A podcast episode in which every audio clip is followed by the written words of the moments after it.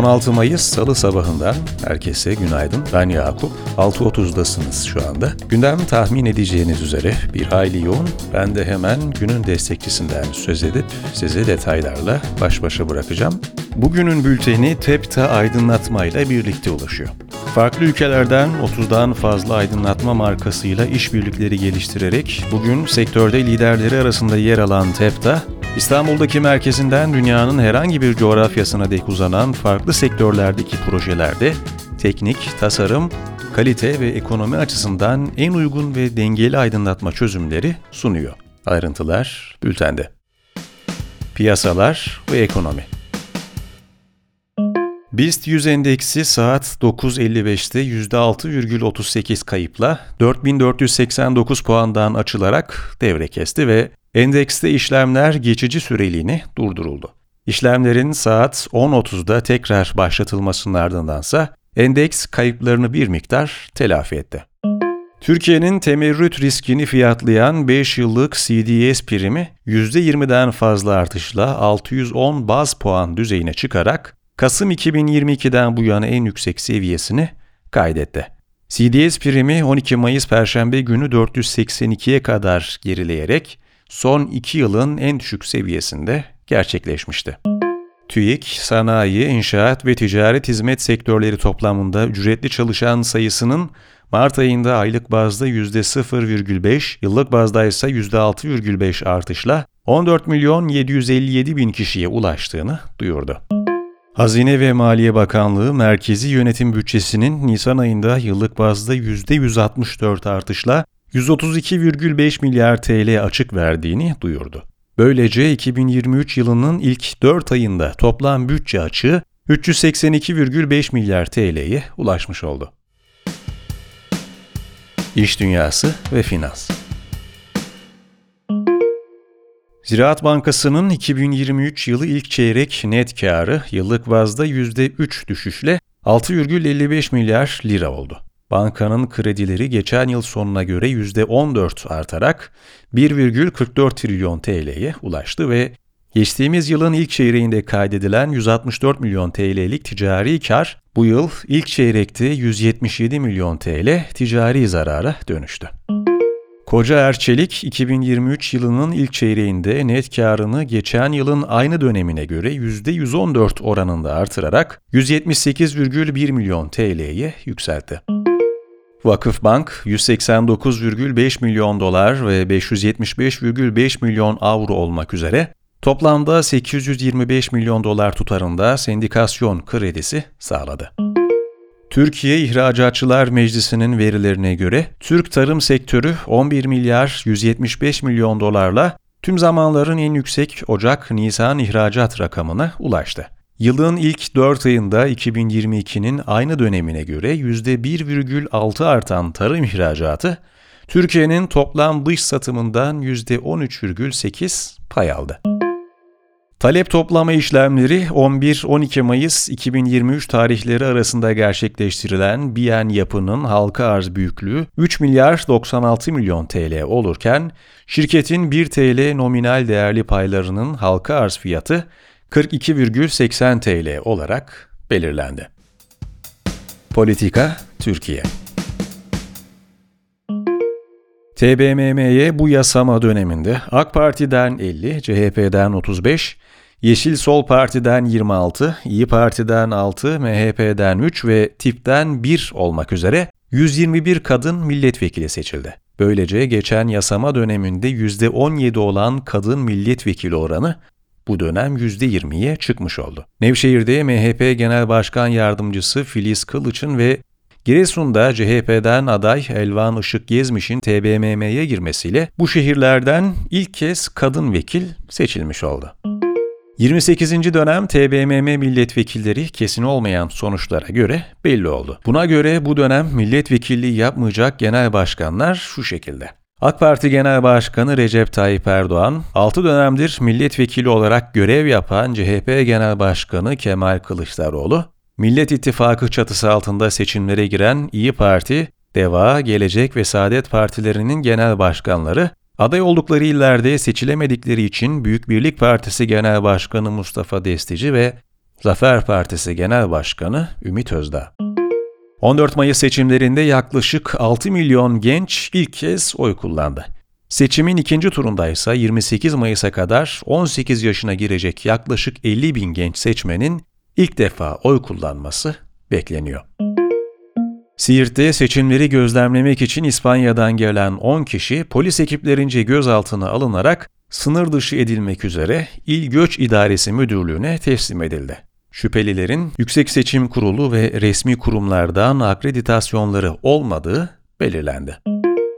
Gazeteci Barış Pehlivan yeniden cezaevine gireceğini duyurdu. 15 Şubat 2022 tarihinde denetimli serbestlik tedbiriyle cezaevinden çıkan Pehlivan, hakkında 30 Mart 2023 tarihinde bir dava açıldığını ve bunun gerekçe gösterilmesiyle cezaevine teslim olması istendiği açıklandı. Sosyal medya paylaşımında hiç kuşkum yok ki SS kitabının intikamı alınıyor açıklamasında bulundu. Politika Seçim 2023 Seçimin ikinci tura kalmasını sağlayan ve %5,28 oranında oy alan Sinan Oğan, BBC Türkçe'ye verdiği röportajda muhalefetin sağ seçmeni tanımadığını, nüfusun %70-%75'inin sağ seçmenden oluştuğunu belirtti. Seçim sonucunu muhalefet açısından bir başarısızlık olarak gören Oğan, iktidar açısındansa kısmen başarılı oldu yorumunda bulundu. İkinci turda hangi adayı destekleyecekleri sorulduğunda istişare yöntemine başvurarak seçmenle beraber 1-2 gün içerisinde karar vereceğini belirten o an, destek koşullarının terörle mücadele ve sığınmacıların geri gönderilmesi olduğunu belirtti. Cumhurbaşkanı Erdoğan, YSK'nın ikinci tur kararının ardından açıklamalarda bulundu. Erdoğan, Twitter'dan yaptığı paylaşımda, en yakın rakibimizle aramızdaki 2,5 milyon oy farkına rağmen Cumhurbaşkanı seçimi yarım puandan daha az bir farkla ikinci tura kalmıştır. Hayatı boyunca milletin iradesi dışında hiçbir güç tanımamış, milletin çizdiği istikametten ayrılmamış bir siyasetçi olarak sandıkta tecelli eden bu iradeye saygı duyuyoruz ifadelerini kullandı. Millet İttifakı Cumhurbaşkanı adayı Kemal Kılıçdaroğlu, sevgili halkım, Dünden bu yana aralıksız çalışıyoruz. Sakın ola ki bir ümitsizliğe kapılmayın. Ben dik duracağım. Olan bitene dair net tespitlerimi size anlatacağım. Sonrasında da ayağa kalkıp hep birlikte bu seçimi alacağız. Her şeyin sonunda sadece milletimizin dediği olacak açıklamasında bulundu. Anadolu Ajansı Genel Müdürü Serdar Karagöz, seçim sonuçlarının açıklanması ile ilgili gelen eleştirilere ilişkin açıklama yaptı. Karagöz, bu seçimlerden alnımız ak, başımız dik çıktık dedi. Karagöz, ajansa yapılan eleştiriler hakkındaysa dava açacağız. Kim Anadolu Ajansı'na o akşam yalancı, manipülasyon yapıyor, dezenformasyon yapıyor demişse dava açacağız. Sayın İBB Başkanı yaptığı açıklamada kurumumuzu açıkça hedef aldı. Kamuoyu karar versin şeklinde konuştu. HDP eş genel başkanları Pervin Buldan ve Mithat Sancar'la YSP eş sözcüleri Çiğdem Kılıçgün Uçar, İbrahim Ak ve İbrahim Akın, HDP Genel Merkezi'nde seçim sonuçlarına ilişkin ortak açıklamada bulundular. Oy oranlarındaki düşüş ve milletvekili sayılarındaki azalışla ilgili konulara cevap olarak tek liste ve tek parti ile seçime girme ısrarımıza rağmen bu önerimizin hayata geçmemiş olmasının ortaya çıkardığı sonuçlarda seçim sonuçlarını belli düzeyde etkilemiştir ifadelerine yer verildi. Aynı ittifak çatısı altında 49 bölgede seçime kendi amlemiyle giren tip dolaylı yoldan eleştirildi. Teknoloji ve girişim 21 Şubat'ta BTK kararıyla erişim engeli getirildikten sonra Ekşi Sözlük 2023.com alan adını taşıyan Ekşi Sözlüğe BTK kararıyla bir kez daha erişim engeli getirildi.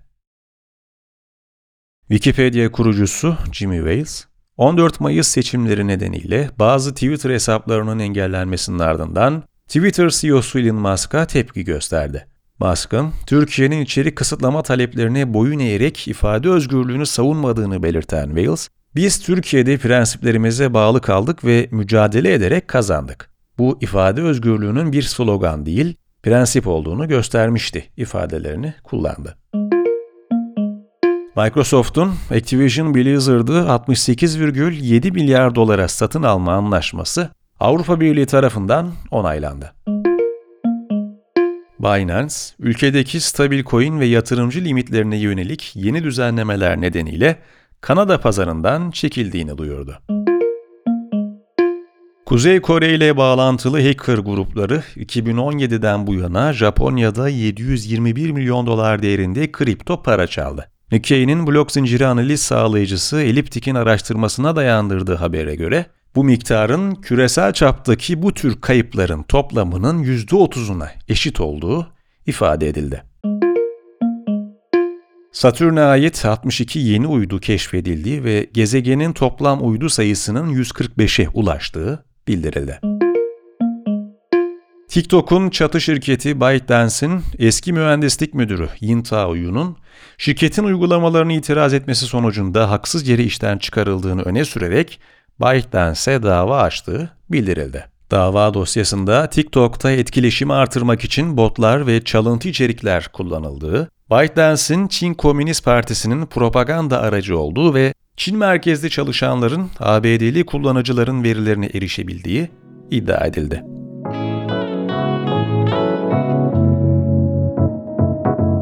Bugünlükte bana ayrılan sürenin sonuna geldik. Ben Yakup.